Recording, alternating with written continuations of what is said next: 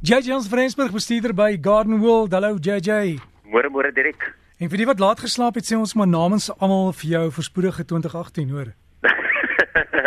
ja, net maar ek dink die mense slaap so laat in ons program nie. Ek weet jy hou hulle op hulle tone al van vroeg af. Ons probeer JJ, ons probeer.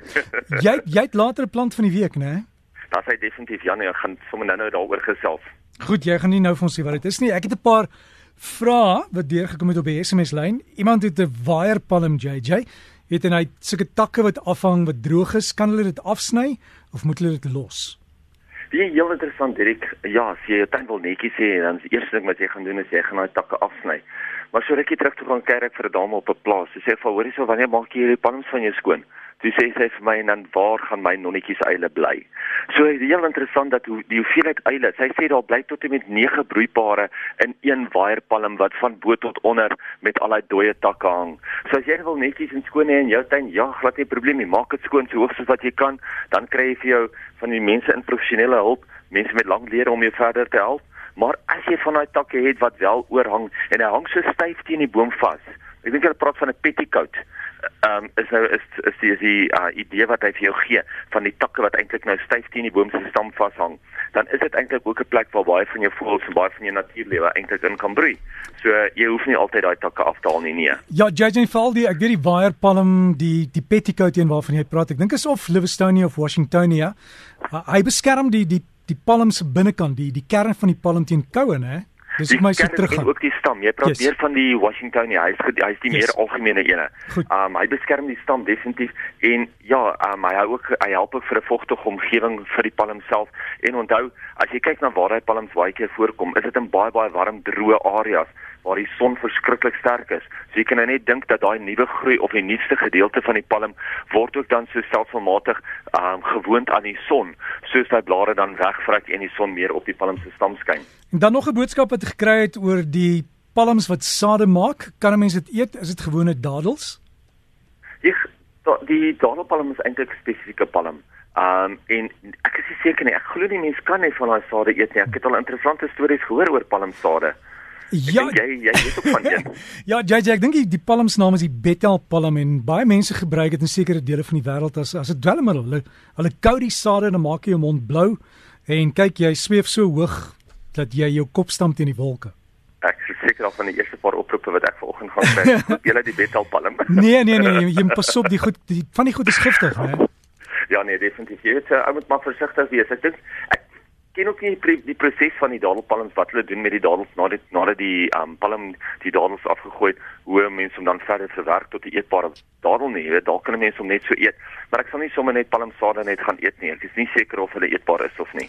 Dan plumbago se blare wat krul wat kan 'n mens gebruik?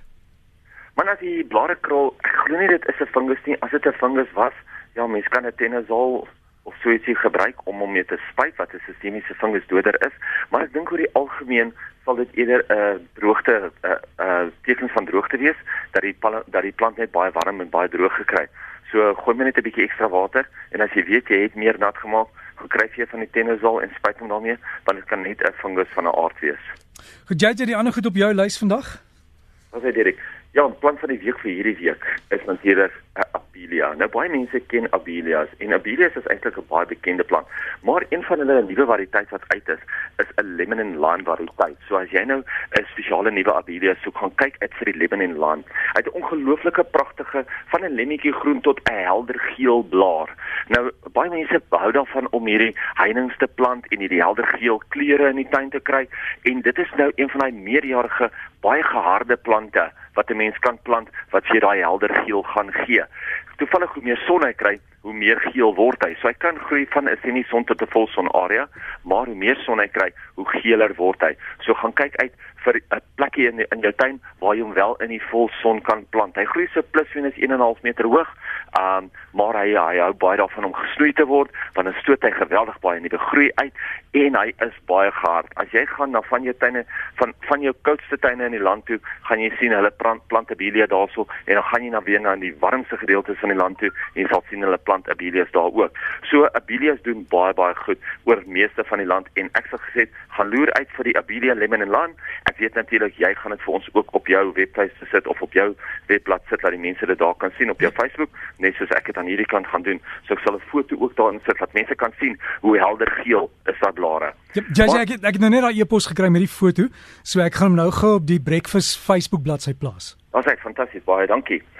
Right, res van die goedjies. Twee weke terug toe praat ek van rose terugsny. Mense het my gebel en gesê, "JJ, wat maak ek? My rose is vol in blom." is dit regtig nodig om hulle terug te sny? Nou ek sê vir jou nee, dit is nie nodig om hulle terug te sny nie. As jy voel dat jou blare is gesond, jou plante lyk mooi, dan hoef jy hulle nie terug te sny nie. Maar as jy in 'n area bly waar jy baie fungus siektes het, waar jy regtig sukkel met jou rose in die tweede helfte van die seisoen, kan jy hulle nou terugsny. So jy kan nou self gaan besluit, gaan ek terugsny, gaan ek nie terugsny nie en as ek dit wel doen, weet ek dat my plante gaan twee keer so sterk terugkom en twee keer so lank blom, twee keer so mooi blom. So onthou maar net om ook goed te voer sodat jy lekker baie kalium in die grond kry sodat jou plante pragtig kan blom. Hierdie tyd van die jaar natuurlik met al die hitte wat ons het, kry mense ook verskriklik baie fungusse in jou tuin.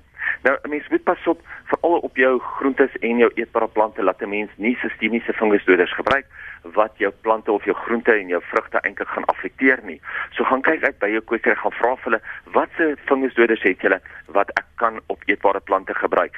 Belangrik om nie jou plante se blare hierdie tyd van die jaar nat te spuit nie. Ons is baie gelukkig in is, in die sin dat ons reën was nie lang reën gewees nie en dit het baie minder fungus siektes op die blare self veroorsaak.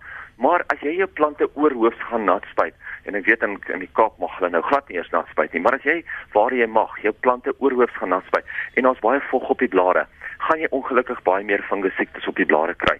So probeer eerder om jou plante nat te lei vir alles wat kom by jou groot blaarplante soos jou pampoene, soos jou druiwe. Druiwe is nog eene wat verskriklik baie maklik fungusse op sy blare kan kry. So mens moet pas op daarvoor.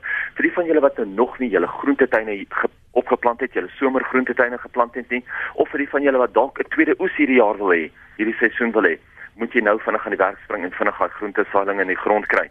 Ons het omtrent so 2 tot 3 maande van 'n saailing of van 'n saad af voordat jou plante van gaan vrug dra. En as ons mooi daaraan dink, beteken dit dat ons gaan werk tot met die middel van Maart, middel einde einde Maart se kant en dan begin dit al redelik koel cool word, dan begin mense al eintlik kyk na jou wintergroentes. So, spring maar vinnig, doen wat jy wil doen, doen dit vinnig dat jy jou groentes wel in die grond kry. Laaste enetjie van my kant af vir die week is broodboomsade. Almal het nou hulle broodbooms, broodbome wat hierdie vol vrugte het en almal wil nou graag daai sade kweek. Weet dit is eintlik baie maklik om dit te kweek. Maar moenie jou tyd mors nie maak hy sade mooi skoon, gooi hulle in 'n emmer water en kyk watter dryf. Daai wat dryf, gooi jy weg. Jy soek hulle nie. Daai wat sink is wat jy wel gaan plant. Hulle is bevrug.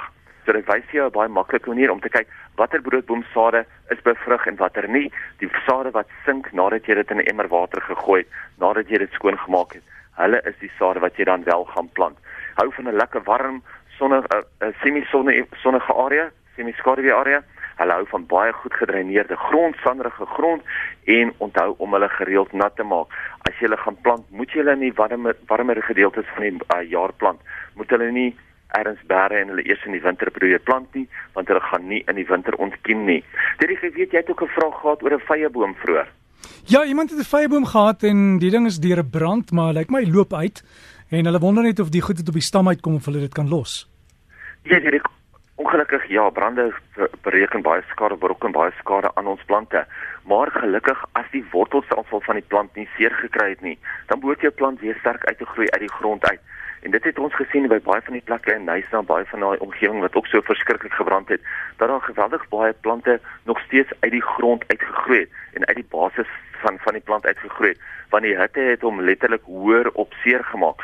So ja, as jy dooie takke en so aan die plant het, dit kan jy maar afsny en daai nuwe groei wat uitkom, gaan vir jou pragtig sterk groei. Heel interessant, ons het laasweek gepraat oor die geel blare op die ehm um, op die broodbome. En iemand het my na die tyd gebel en gesê hulle het deur middel van koeldrank van hierdie gaskoeldranke wat hulle eintlik 'n raad by 'n broodboomkweker gekry, het hulle die gaskoeldrank om die plant uitgegooi en die gaskoeldrank bevat wel die verskillende fungusdoders wat die plant gaan genees. So ek gaan dit nou nie heeltemal kan aanraai nie, maar as jy sukkel en jy kom net nie verder nie, dit is glo ietsie wat baie goed werk. Een van daai boererate wat wel werk. Okay, JJ, alles van die beste en goeie naweek vir jou. Jy het gesê dis die sade wat sink wat ons weggooi, né? Die sade wat sink gaan ons hou. Like Ja. ja, jy het ook nie geluister. Nee, nie, ek het- ek het die trek sommer jou been nee. daar. Dis hy. sade wat sink gaan ons hou, ek weet jy terg net. En dit is iets wat jy weer gaan plant. Goed gaan JJ.